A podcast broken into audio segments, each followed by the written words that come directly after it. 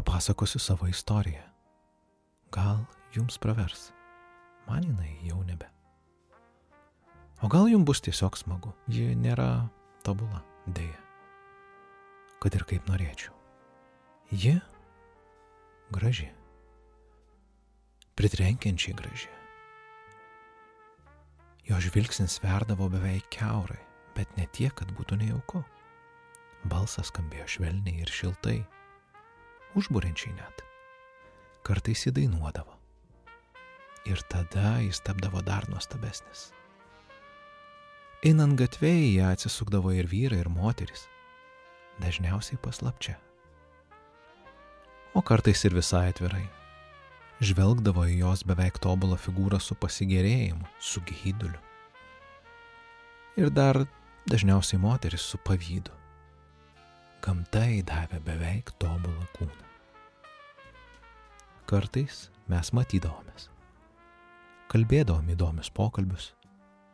Valgėm išskirtinus valgius geriausiose vietose ir vaikščiojom gražiausiamis gatvėmis, kartais sustodami pažvelgti į brangiausių parduotuvių vitrinas. Beveik tobula pora. Kartais užsibūdavom vienas pas kitą gerdami puikų vyną iš rydel taurių. Josgi geriausiai atskleidžia vyno aromatą, spalvą ir skonį. Tai apskritai yra geriausia. Geriausia, iš ko galima gerti vyną. Po tokių vakarų mūsų kūnai susipindavo ir mylėdavomės taip, kaip mylėtųsi tik tai dievai. Buvo beveik tobula. Ir jie ir aš gyvename gražiuose namuose, nes esame to verti. Juose jauku, estetiška ir tvarkinga. Nežinau kaip jie, bet aš tai dariau viską, kad mane supantis dalykai būtų patys geriausi. Tai padėjo išlikti savimi, tokiu, koks aš turėjau būti iš tikro, apsuptas gražumo ir harmonijos. Aš daug stengiausi, kad tai būtų. Jei ne, aš prarasdavau jausmą, jog esu visatos centre. Kai mane išmuždavo iš orbitos, nusimindavau. Pradėdavau nerimauti. Ir tada reikėjo ieškoti, kas man padėtų grįžti atgalios. Į savo visatos centrą. Padėdavo vadovų ir kolegų pagirimai.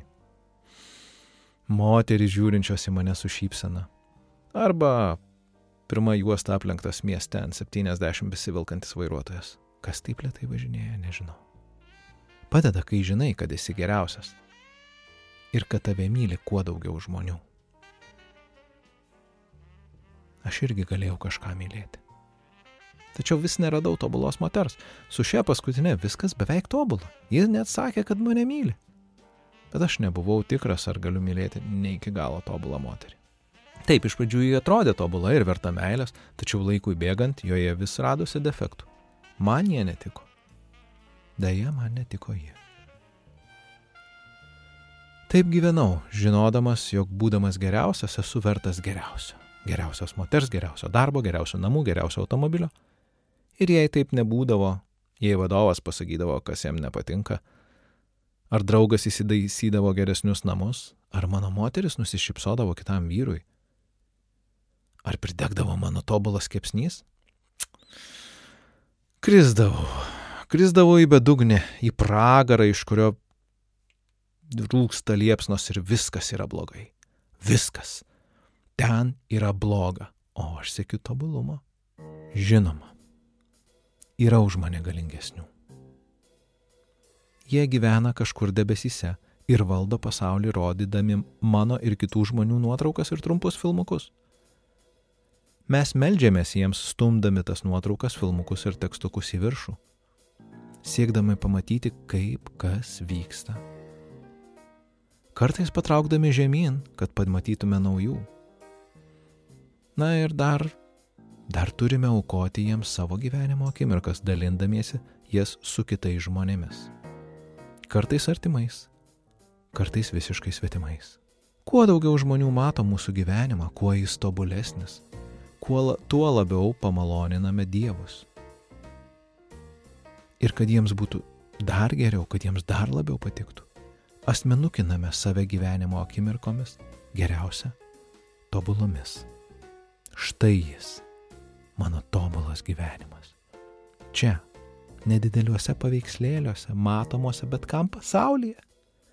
Štai čia gyvenas tikras tobulas aš. Štai ką reikia mylėti. Atsidaręs savo istorijas ilgai jas žiūrėjau. Būtent jos buvo tobulos, labai tikros, net tikresnės už mane patį ir net už buvimą čia ir dabar. Jose nebuvo skausmo, nesėkmių, pustuštės banko sąskaitos, užmirštų draugų, sudaužytų širdžių. Jose buvau aš. Štai tas žmogus vertas meilės. Ir aš jį myliu, štai tokį tikrą.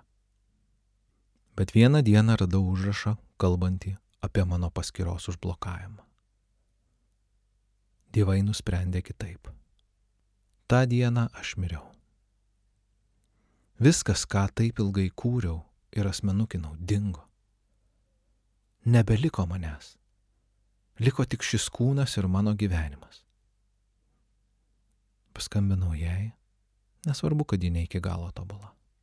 Atvažiavo. Mūsų pokalbis buvo trumpas, pokalbis išsiskirimui. Su ašaromis akise ir pasiimtais daiktais.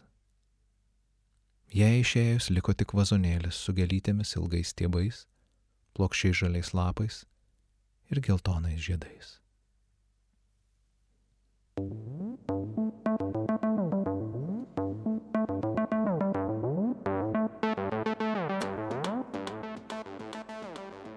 Sveiki, mano brangus klausytojai. Štai čia yra su jumis Julius ir Tilviko Lizdas ir mes kalbam su jumis. Kalbam šiandien su jumis apie narcisizmą. Jau čia ilgai laukta tema, kurios prašė ne vienas klausytojas ir klausytoja. Ir ką? Turim, turim pradžią.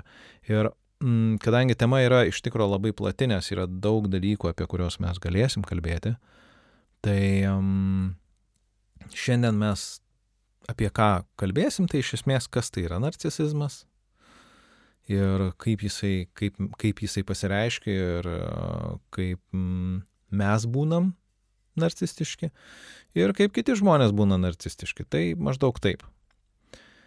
Ir prieš pradedant ir lendant į visus reikalus, aš noriu tiesiog padėkoti mano patiems nuostabiausiams rėmėjams ir patronams, remiantiems Tilviko lizdą. Ačiū Jums už Jūsų nuostabumą. Jūs esat aфиgienė tegu skamba taip. Ir truputis info, mm, aš sakydavau, kad na, epizodai išeina kiekvieną ketvirtadienį, tai šiuo metu aš turbūt atšaukiu kiek, kiekvieną ketvirtadienį ir epizodai išeis kiekvieną savaitę, bet neaišku, kurią tiksliai dieną. Greičiausiai aš taikysiu į ketvirtadienį, bet gali būti, kad išeis ir, ir, ir kokį nors penktadienį greičiausiai. Arba gali būti, kad išeis kokį ir, ir, ir trečiadienį, bet daugiau tikėtina, kad visa tai atsidės savaitės pabaigai. Na, taip yra, tiesiog toks gyvenimas. Ir pradėkim gal nuo narcisizmo pavadinimo etimologijos. Į kilmės. Tai pats žodis yra kilęs iš graikų mito apie narcizą, apie tokį jauną, nepaprasto grožio medžiotoją Na, na, toks jisai jau buvo gražus ir nuostabus, kad visos miško nimfos jį įsimylėdavo ir jo geidė, ir jo troško, ir jo norėjo visai kaip. Ir bala nematė. Aš jums, žinot, paimsiu ir padarysiu paskaitimą. Tiesiog tos a, istorijos mm, taip pat greitai. Dzeusui patiko būti tarp gražių nimfų, todėl jas dažnai lankydavo žemėje. Galiausiai jo žmonai Herai pasidarė įtartini jo dažni lankymaisi žemėje ir jį ketino pagauti Dzeusą su nimfomis. Echonė norėjo apsaugoti savo draugės nimfas, todėl jį užkalbino Herą, o jos aistragi buvo kalbėjimas. Taip ji norėjo suteikti laiko Dzeusui ir nimfoms pasišalinti, bet Hera suprato Echonės pokalbio tikslą ir dėl to nubaudė ją. Nuo tada Echonė galėjo kalbėti tik atkartodama kieno nors kito ištartų sakinių paskutinius žodžius. Echonė įsimylėjo narcizą, kuris mylėjo tik save patį. Echonė negalėdama kalbėti stengiasi apsakyti narcizo ištartai žodžiais savo meilę jam, bet jis ją atstumė, kaip ir visas kitas. Sudaužyta širdimi ji meldėsi Afroditai prašydama mirties. Jos maldos buvo išklausytos. Bet Deiviai patiko Echonės balsas. Todėl jį paliko jos balsas skambėti amžinai. Narcizas, medžiodamas miškuose, atstūmė daug įsimylėjusių nimfų. Viena iš jų jam sušuko, kad jis pamiltų žmogų ir jo meilė liktų be atsako. Supyko meilės deivė Afroditė, kad narcizas atstūmė jos dovanas ir nubaudė narcizą. Narcizas pamilo savo atvaizdą, pamatė su pokšnio vandenyje. Kankinamas meilės jis nei valgė, nei gėrė ir taip numirė.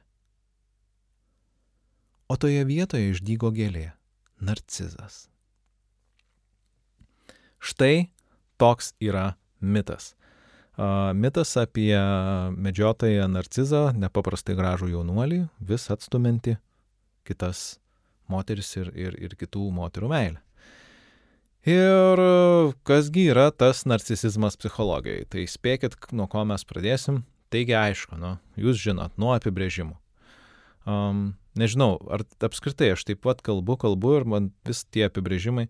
Uh, parašykit, prašau, komentaruose, ar jums įdomu, patinka tai, kad čia formatas, kad nuolat aš pakalbu apie kokį nors apibrėžimą, ar vis dėlto man reikėtų tiesiog imti taip, kal, iš karto taip, piau ir, ir jau daryti, tada kalbėti. Žodžiu. Taigi, apibrėžimas. Mhm. Taigi, apibrėžimas. E, pradėkim nuo to, kad e, atskiriam asmenybės bruožus ir sutrikimą. Nes yra, mes visi, faktiškai didžioji dauguma, visi netinkamas žodis, aš žinau, didžioji dauguma žmonių turi didesnių ar mažesnių, labiau išreikštų ar mažiau išreikštų asmen, narcistiškų asmenybės bruožų. Ir yra atskira visai kategorija žmonių, kurie turi labai aišku narcistinį asmenybės sutrikimą. Ir todėl noriu tuos du dalykus atskirti. Ir iš esmės yra laikoma, kad tik mažo, maža dalis populacijos turi labai aiškiai tą narcistinę asmenybės sutrikimą išreikštą. Bet, na, tiems bruožams varijuojant, narcistiškais mes vadiname apskritai žmonės turinčius ryškiau išreikštus tuos bruožus.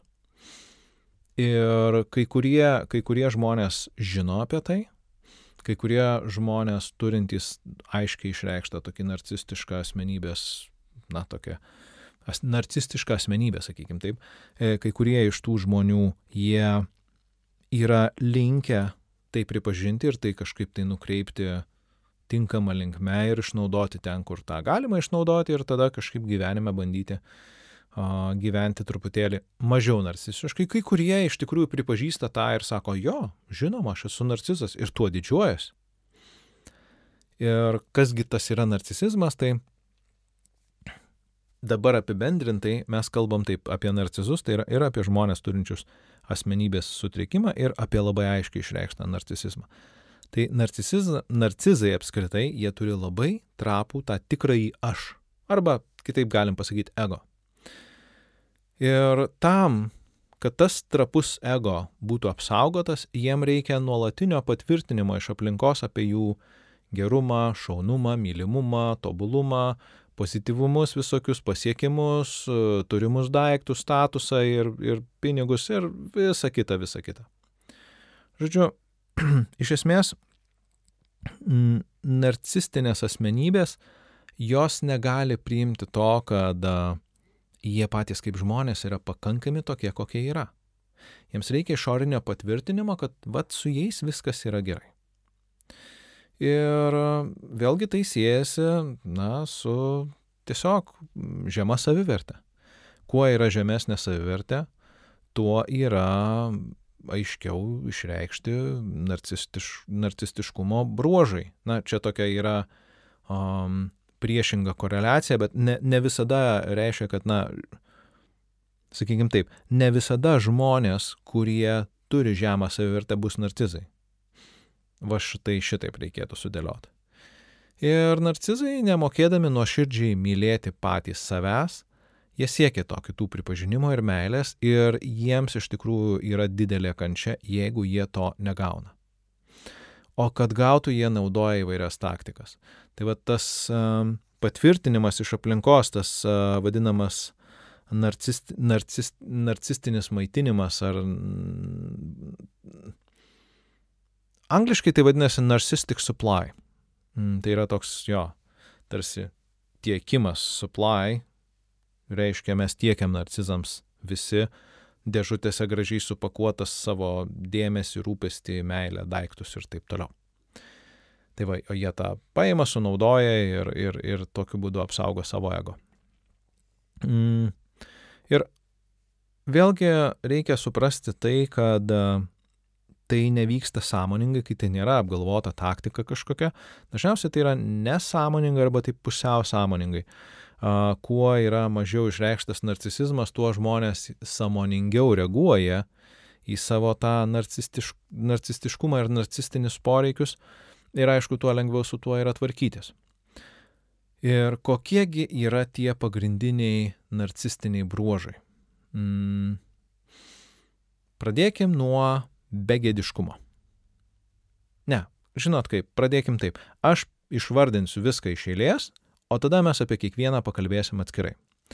Uh, taigi, narcistiniai bruožai iš eilės - begėdiškumas, arogancija, pavydas, magiškas mąstymas, blogos asmenybės ribos, privilegijuotumas, o jėzau, koks žodis, ir išnaudojimas. Ir apie kiekvieną iš jų atskirai. Pradėkim nuo begėdiškumo, kaip jau ir ir buvau pradėjęs, atrodo. Tai narcistinės asmenybės mm, jaučia iš esmės labai mažai gėdos. Ir jie netgi tuo didžiuojasi.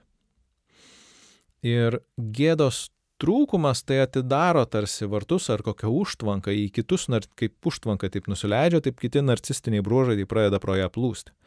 Ir narcizai gali jausti kaltę, bet jausti mažai gėdos.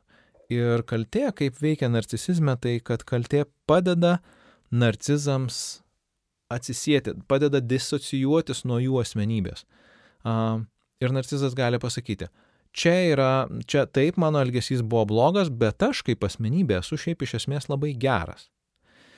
Ir, na kaip, kur yra problema? Čia šiaip atrodytų viskas beveik teisinga, ne?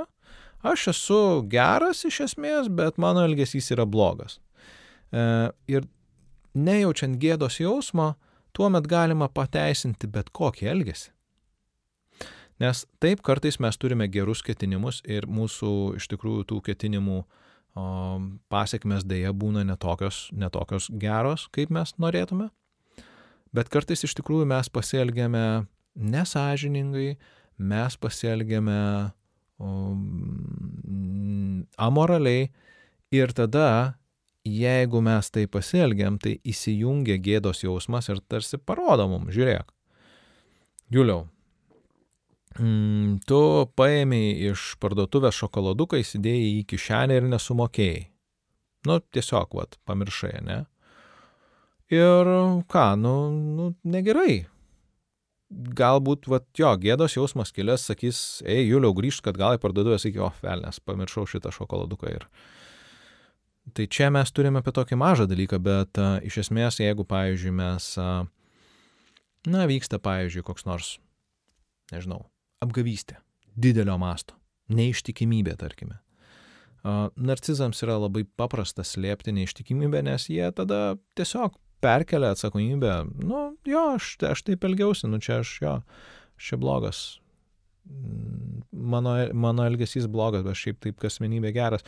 Ir aišku, greičiausiai, kad bus taip, jog narcizas pasakys, žinai, bet šiaip tai tu, tu čia pats arba pati kalta, kad čia ta neištikimybė įvyko čia ne mano problema yra. Ir mes tada keliaujame į antrą bruožą, tai yra arogancija. Mm, kad tai yra, na, arogancija yra pasilipimas ant kitų žmonių trūkumų, jų nesėkmių, gyrimasis besaikis. Ir tokiu būdu narcizai savo subliuškusi ego, kaip kokį balioną, vėl prisipučia. Taip, š, ir jiems tada pasidaro žymiai geriau ir smagiau, nes visi tie žmonės aplinkui juos, jie yra prastesni. Ne, narcisas yra, o, aš esu nuostabus, aš esu tobulas, aš esu labai labai fainas ir geras. Taigi arogancija yra mm, padeda narcizam išlikti tose situacijose, kur jie galbūt ne visada jaučiasi gerai, taip truputėlį pasikelti. Trečias bruožas yra pavydas. Narcizai yra pavydus ir pavydus kaip reikiant. O pavydas, prisiminkim, yra jausmas, kada mes jaučiam grėsmę savo statusui, kada jaučiam grėsmę savo ego, kada jaučiam grėsmę mm, tokią ne, ne, neaiškiai apibrieštą mm, dėl to, kad galime prarasti tai, ką turime. Ir narcizams yra viskas, kas yra geriau už juos ar lygų jiems netgi, kelia grėsmę jų ego. Ir tada automatiškai įsi, įs, įsijungia pavydas, nes, na, reikia, reikia apsaugoti tą ego kažkaip, tai tą trapų varkšelį, e, e, egutį, kur, kuris ten taip pat tūno jų viduje. Ir todėl narcizams yra būdingas dažnas pavydo jausmas. Dar kitas žingsnis link narcisizmo yra magiškas mąstymas. Ir magiškas mąstymas iš esmės narcizam padeda iškreipti realybę taip, kad jų pasisekimai, darbai, nuopelnai, asmenybė, o gyvenimas, turtas, žodžiu, viskas būtų geriau negu visų kitų. O jeigu nėra, nėra tai jie taip pasuka, kad vis dėlto yra.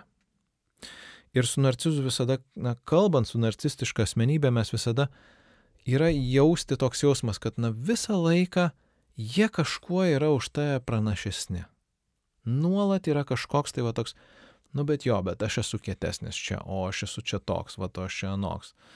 Ir tu jam pasakai, kad uh, kažkaip, žiūrėk, aš čia nusipirkau, nežinau, kas čia dabar man, o, nusipirkau, va, uh, rodė, žodžiu, prokasterį ir uh, Ir, o, o pas mane užtat yra diktofonas geresnis. Vat čia man toks pirmas pavyzdys šovės į galvą. Ir jo, jam pasakai, kad aš, nežinau, pagavau kokią nors ten žuvį didelę ir jie tada sako, ai, o man žvejyba iš viso ir neįdomu, neįdomu, bet aš man labiau patinka, nežinau, ten dar kažkas tai kepsnius kepti, ar ten medžioti, ar dar kažką. Ir jam, žodžiu, visą laiką, ką tu jam besakytum, jie visą laiką taip pat perverčia. E, tada, mm, tada yra blogos asmenybės ribos. Ir, na, narcizam yra, susidaro įspūdis, ne, neteisingas žodis pavartotas, susidaro įspūdis. Jie mano, kad kiti žmonės ir pasaulis apskritai viskas aplink juos yra tiesiog jų tesinys ir su tuo tesiniu jie gali daryti, ką tik tai jie panorėję. Dėl to, yra, dėl to jie yra linkę labai peržengti ribas ir taip pat linkę savo ribas, na, ati, būti nepažeidžiamais. Tai yra savo ribas nukelti labai labai toli.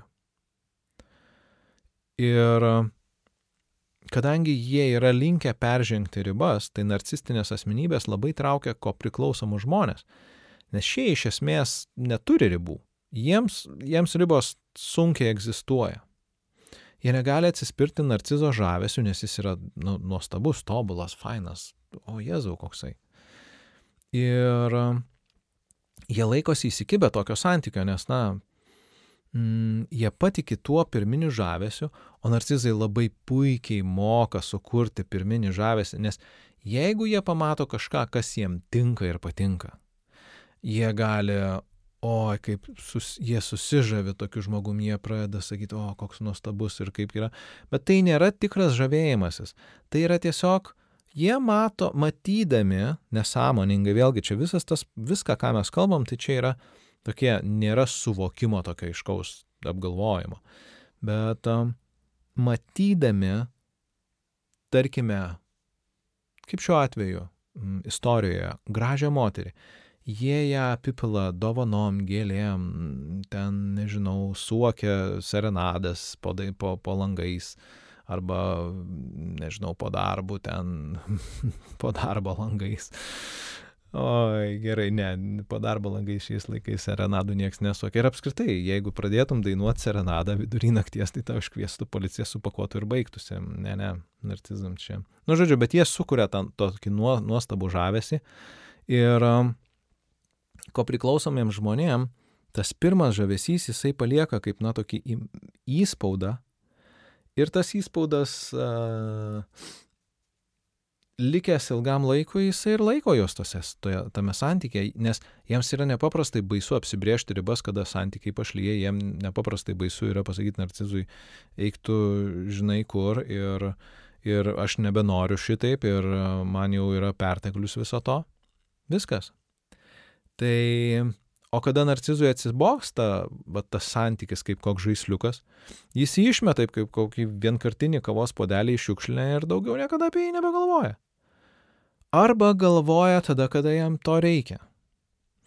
Aš žinau, pavyzdžiui, žmonių, kurie mm, yra ko priklausomi ir jie, pavyzdžiui, turi mm, santykius su narcistiniam asmenybėm ir tos narcistinės asmenybės, tarkim, pasirodo, nežinau, vieną kartą į pusmetį mieste Ir tada jiems užtenka tik tai pamojuoti, kai burtų lasdelę savo SMS žinutę, ar ten kažkokia, tai dabar messengeris, tarsi, va, jo nebe SMS, o messengeris, ne, ar ten koks snapchatas, kas dar ten yra.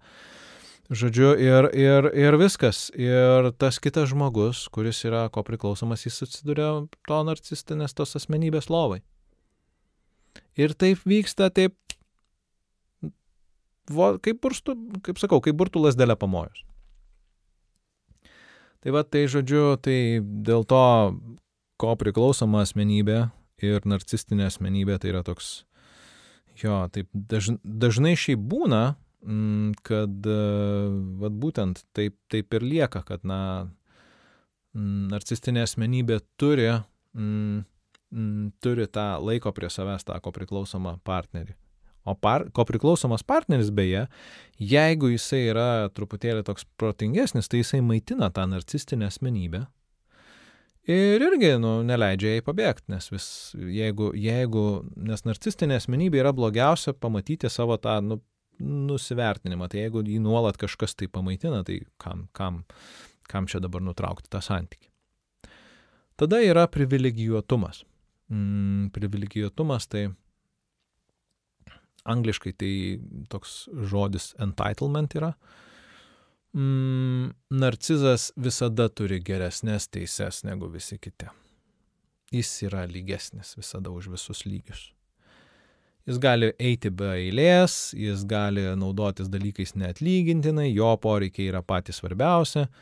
Um, čia va būtent, kad, uh, tarkim, vairuojant, tai labai gerai matosi asmenybės, kai, kai, kai tiesiog, vat, jo, visi tvarkingai laukia vienoje gražioje eilėje ir tada atvažiuoja kažkas, tai ten nuvažiuoja į patį eilės priekį ir ten brukasi. Nes jie turi vat tą privilegijuotumą, nes jiems yra geriau ir svarbiau. Na ir aišku, galbūt jie yra dar sociopatai ir psichopatai ir apie juos mes jau kalbėjom prieš tai epizode. Ar dar prieš tai epizode, dabar jau net ne ir nepamenu. Žodžiu, tai va, jeigu jūs turite narcisti, narcistišką draugą, paskolinate jam mašiną. Bakas buvo pilnas, jis ją gražina su tuščiu baku. Ir apie tai nei žodžio, nei pasiūlymo, kad tiesiog žiūrėk, aš tau gal duosiu pinigų, užsipilk ten, ar, ar aš tau užpilsiu kažkada, tai ar, ar ten, žodžiu, kažkaip kitaip. Ne. Bet jūs, pavyzdžiui, keliaujate kur nors ten, nežinau, mm, keliaujate, žygiuojate ir jūs pavaišino jūs mineralinio vandens buteliuku.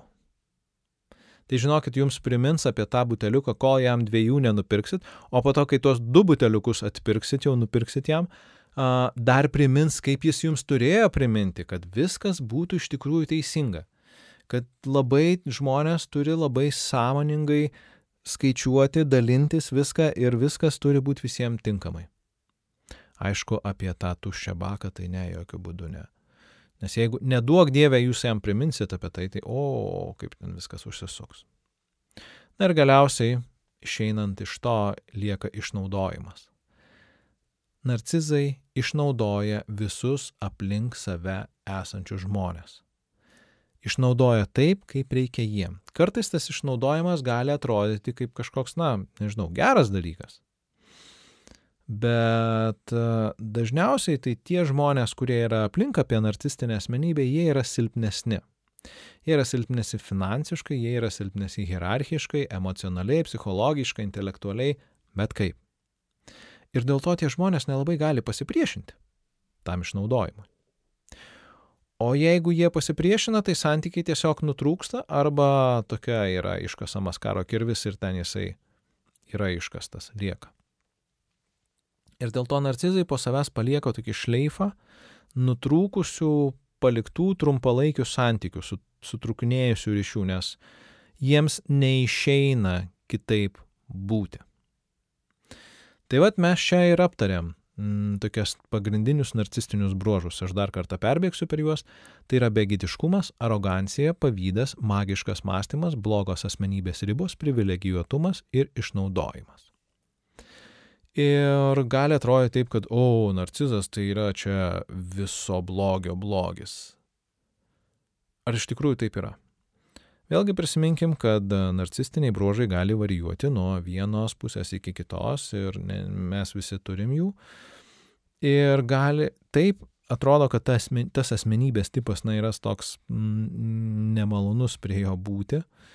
Ir, bet šiaip beje, būti prie narcistinės asmenybės, jeigu, jeigu, tarkime, tuo metu tam žmogui esi įdomus, iš tikrųjų gali būti labai įdomu ir labai faina, nes, nes su jais šiaip smagu yra, nes na, apie, apie juos sukasi, jie sukuria gero gyvenimo tokį nuolatinį sukūrį apie save.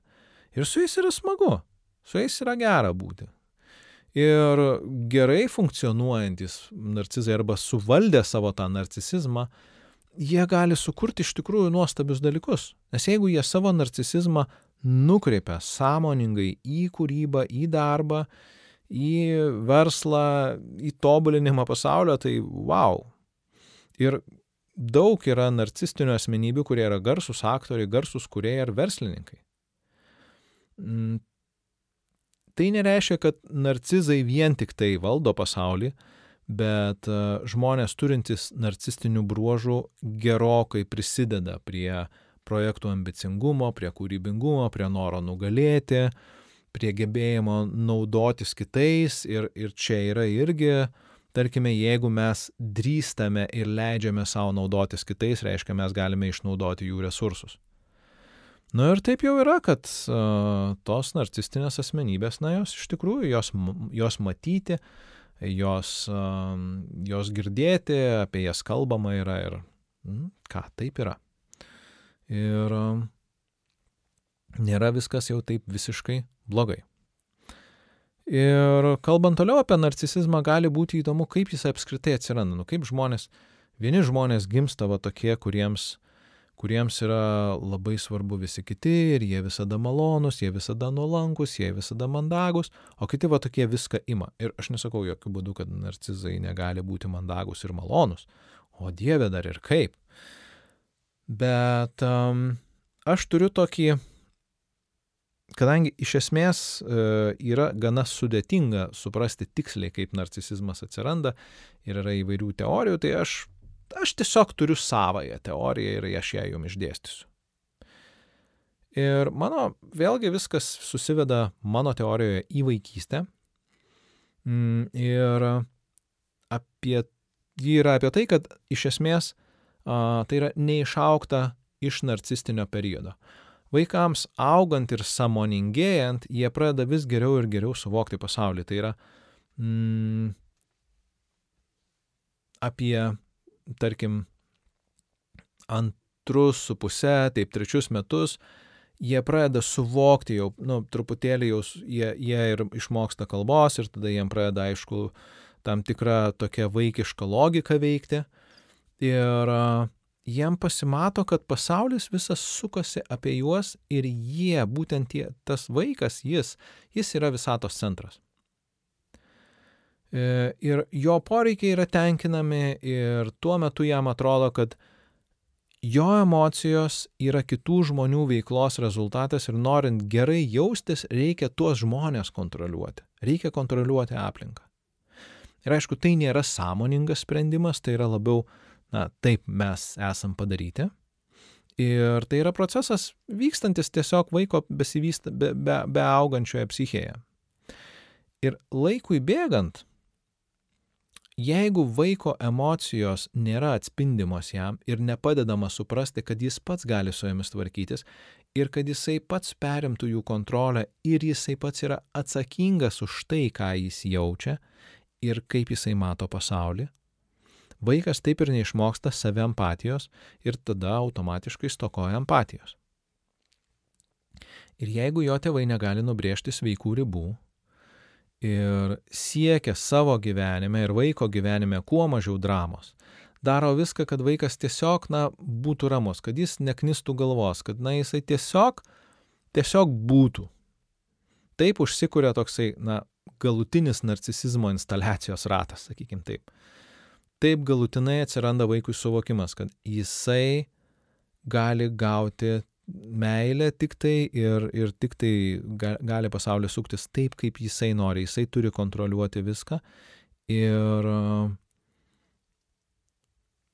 ir, ir tokiu būdu jis negali, ir reiškia, jo, jo, jo psichėje nebeatsiranda vietos suvokimui, ir mechanizmui savikontrolės ir emocinės savikontrolės, sakykime taip. Ir dar šiaip tai prie to labai prisideda, kada, mm, kada yra vienas iš tėvų narcistinis. Ir tokie tada tampa tie vaikai auksiniai, nes vėlgi narcistinių narcistinių tėvų vaikai ir apie tai mes turėsim visiškai atskirą epizodą, kaip, kaip ir būti vaikam, kada vienas iš tėvų arba abu tėvai yra narcistiški. Bet, na, iš esmės yra pora variantų. Arba yra, na, toks auksinis vaikas, kuris yra tesinys uh, narcistinės asmenybės vieno iš narcistinių tėvų arba abiejų tėvų narciziškumo tesinys, tai yra koks nuostabus mūsų vaikas, jam viskas galima, jam viskas leidžiama, jis turi, jo, jis irgi tu, yra tituluotas, jam su juo viskas jo gyvenime yra nuostabu ir gerai. Jis yra pats nuostabiausias ir geriausias. Ir ką reiškia, vaikas tada toksai užauga, suprasdamas, kad jis yra pats nuostabiausias ir geriausias. Ir ja, jis atrodo, kad e, būtent jisai yra privilegijuotas, kad kiti žmonės nėra tokie svarbus kaip jisai. Ir tęsiasi, tęsiasi štai tas traukinukas toliau važiuoja. Ir kitas variantas e, vaikui augančiam su narcistiškais tėvais arba vienu iš narcistiškų tėvų tai yra, mm, na, toks sumenkimas ir išmokimas būti ko priklausomu, nes tokiu atveju tėvai išnaudoja vaiką kaip a, savo asmenybės tesinį savo nepatenkintiem noram ir nepatenkintiem poreikiam išveikti. Tai yra vaikas tampa tokiu savotišku atpirkimo ožiu. Mm, tėvai kontroliuoja vaiką per savo emocijas, tai yra jeigu vaikas kažkaip elgesi, kaip jiem netinka, jie nusimena, jie tą aiškiai parodo, jie apie tai kalba, jie parodo, kad vaikas yra atsakingas už tėvų emocijas, vaikas tai yra atsakingas už tai, kaip jie jaučiasi ir kokie jie yra. Na ir tada vaikas išmoksta, kad jis už viską yra atsakingas ir jis nemo, nemoka apsibriežti savo ribų, nes vėlgi vaikai mm, gimsta, na, jo, sakykim taip, jie moka apsibriežti savo ribas, kada jie yra labai maži, bet laikui bėgant jie išmoksta, kad na, yra ir kitų ribos. Ir šiuo atveju jis tiesiog yra atmokomas turėti savo ribas visiškai. Arba, nu, beveik, sakykim taip. Ir mano nuomonė, kur šiandieninė, tarkim, mokslo sistema arba mokymas tasai, visa ta, na, tokia, sakykime taip, jo, mokymo sistema ar švietimo sistema, kur, kur, kur tarsi mm, yra savotiška tokia nesėkmė, tai yra, kad siekiama sulyginti visų vaikų gabumus stiekti, steigti visokius pagodos prizus, kokie jie visi šaunus, kokie jie visi nuostabus ir tai yra prasta praktika. Visgi vaikam augantiem reikia suvokti, kad nėra visas pasaulis vien yra nuostabumas ir rožiškumas ir kokie jie patys nuostabiausi, nes jie nėra patys nuostabiausi. Suprantu, teveliai, jūsų vaikai jums yra nuostabiausi. Taip, normalu, jūs juos mylit. Bet jie išeina į gyvenimą ir jie susiduria su kitais vaikais, kurie irgi yra nuostabiausi. Tai kieno vaikai yra nuostabesni, jūsų ar jų? Atsakymas yra paprastas. Abiejų tėvų vaikai yra nuostabiausi jų pačių tėvam. Bet tai nereiškia, kad vaikai neturi išmokti, kad yra skirtingi gebėjimo lygiai ir galbūt tam vaikui kažkurioje tai vietoje nesiseka. Ir galbūt jam niekada ir nesiseks toj vietoje. Ir dėl to neturi būti pirma, antra, trečia vietos ir tada visi gauna dar paguodos prizą. Ne, yra pirma, antra, trečia vietos ir tada, jo, tau nepasisekė, tu nelaimėjai. Nori laimėti, tau reikia įdėti daugiau pastangų. Viskas. Taškas. Tai va to šiltnamio sąlygos, jos tampa iš tikro sąlygos auginti narcizus. Tai šiltnaminiu būdu. Dabar gali kilti klausimas, ką daryti, jeigu esi narcizas. Ir tą klausimą ačiū labai vienam klausytojui, kuris jį uždavė. Ir mm, aš manau, kad mes apie tai pakalbėsime. Truputėlį ir plačiau gal, nes šiandien mes tiesiog apibendrintai taip einam, einam, einam, einam. Taigi ką daryti? Trukdo? Tau trukdo tavo narcisizmas? Tada eini į terapiją. Nes dar nesikončinas, jeigu tau trukdo ir tu supranti, kad tai neveikia gyvenime tavo kažkaip veikia netinkamai. O jeigu vis dėlto manai, kad su tavim viskas gerai, tai nieko nepadarysi tada. Nu, tada tu esi tiesiog su savo narcizizmu ir viskas. Ir, ir, nu, ir nu, jo, tu džiaugiesi, kad, o, aš toks pat fainas ar faina ir nuostabus ar nuostabi. Ir beje, su narcizais terapija yra dažnai taip, ir čia ne vieno mano praktika, čia ir kolegos irgi taip kalba kad jie ateina, pasinaudoja terapeutu ir tada išeina, palikdavi savo prišnipštų nosinių tau ant stalo ir net neatsisukdami. Kaip kas taip sako, aš atsimenu, mano, mano supervizorius labai gerai pasakė, sako, nu tau sako, paliekai kaip rudą popierių, tik su, su ruda dėme, bet tai yra labai taiklu. Ir būna net atveju, kad narcizai besilankantis terapijoje, jie palieka psichoterapeutus, psichoterapeutams skoloje. Jie pasinaudojo, jūs turėjot gal kažkokį susitarimą, kad tas žmogus gal moka ten atidėtus mokėjimus arba sumoka ten vėliau. Ir, ir aš žinau, kad ir man yra skoloj klientai, kurie, kurie yra, turi narcisizmą ir taip yra. Na ir tai va toks savotiškas būdas, netgi sakyčiau, toks, na, kaip, kaip jo, kaip mm, pratesimas savo asmenybės į terapeutą, o kad nuolat apie jį pagalvotų, koks jis yra svarbus, jis yra reikšmingas. Tai vad, savotiškas būdas būti nuolat apkalbamam. Tai vad, kaip tvarkyti su savo narcisizmu, mes kalbėsime į, į, į, į kitą epizodą kalbėsim. O dabar? Yes! Spėkit, reklama. Taip, Hebra, nebūkit narcizai. Sumeskit tilviko lizdui ant kavos ar kokio serverio. Ar kokio dar mikrofo geresnio. Uh, ne, mikrofas neblogas, šiaip tai šiuolaikinis. Ir uh, jūsų porą dolerių per mėnesį yra jum faktiškai nieko, Man tai reiškia labai daug. Ir kaip jūs tai galite padaryti, jūs galite eiti į tilvikas.lt įstrižas brūkšnys lizdas, paspausti nuorodą prisidėk ir paremk ir ten yra būdai paremti. Ir jeigu negaila tų kelių dolerių, tai yra labai labai didelė parama, nes jeigu jūsų yra daugiau, tai susirenka sumelė ir tada už ją galima mokėti už serverius, už, už įrangą ir taip toliau ir panašiai. Ir tiek. O jeigu jau gyvenate visiškai biednai, nu taip visiškai neturite nieko, tai kaip galima dar prisidėti, tai galima tiesiog pasidalinti šituo turiniu su žmonėm, kurie manot, kad jis yra vertingas. Ir palikti mm, kokį nors reviusą, kur nors. Reviusas yra įvertinimas. Aišku, pagydautina pozityvus įvertinimas. Ir registruotis, registruotis, gauti naujus epizodus mm, Google, Apple, Stitcheryje, mm, kaip tas dar vadinasi, su, su, su trim brūkšniukai žalias. Spotify'us va yra. Tai va tiek, tiek reklamos šiandien. Muzikytė. Tun, tun, tun, tun, tun, tun, tun, tun, tun, tun, tun. Gerai, muzikytė baigėsi ir tęsiam. Um, ką daryti, jeigu tu žmogau esi su narcizu?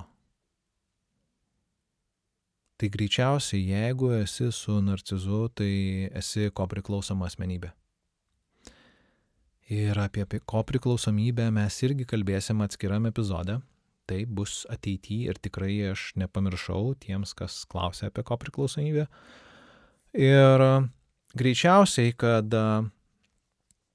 apskritai su narcistinė asmenybė santykis vystosi taip. Iš pradžių narcis, narcizas tavim susižavė ir tave sudėvina. O, koks nuostabus žmogus, koks tobulas, kaip viskas labai gerai. Tada narcistinė asmenybė daro viską, kad tik tai tave suviliotų. Traukia visai ten, žodžiu, daro viską, kad tik tai būtum jo ar jos gyvenime.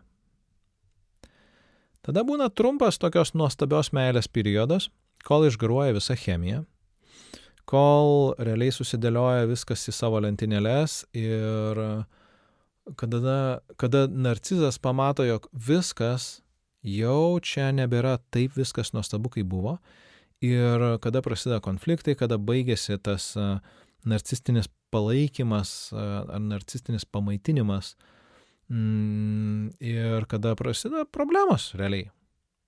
Tada vyksta konfliktai ir nuvertinimas, ir galiausiai atsikrato tavim arba palieka taip, kad tiesiog būtum savo vietoje ir naudingas.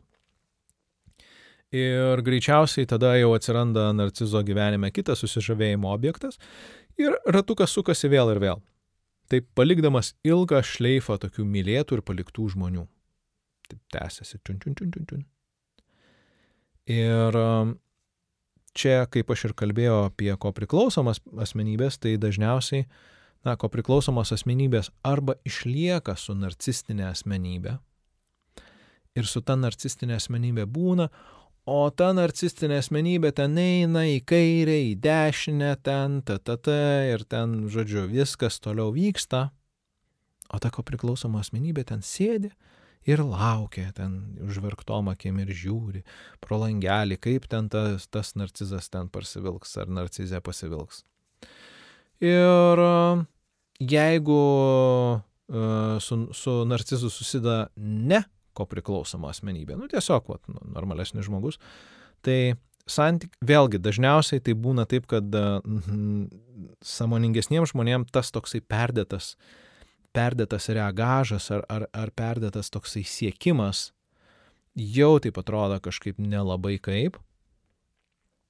Ir tada uh, Ir tada viskas susisuka į tai, kad, nu, tiesiog tas santykis neišsivysto, arba jeigu jis išsivysto, tai kada prasideda tas santykio birėjimas, tai, nu, tiesiog baigėsi tas santykis ir viskas.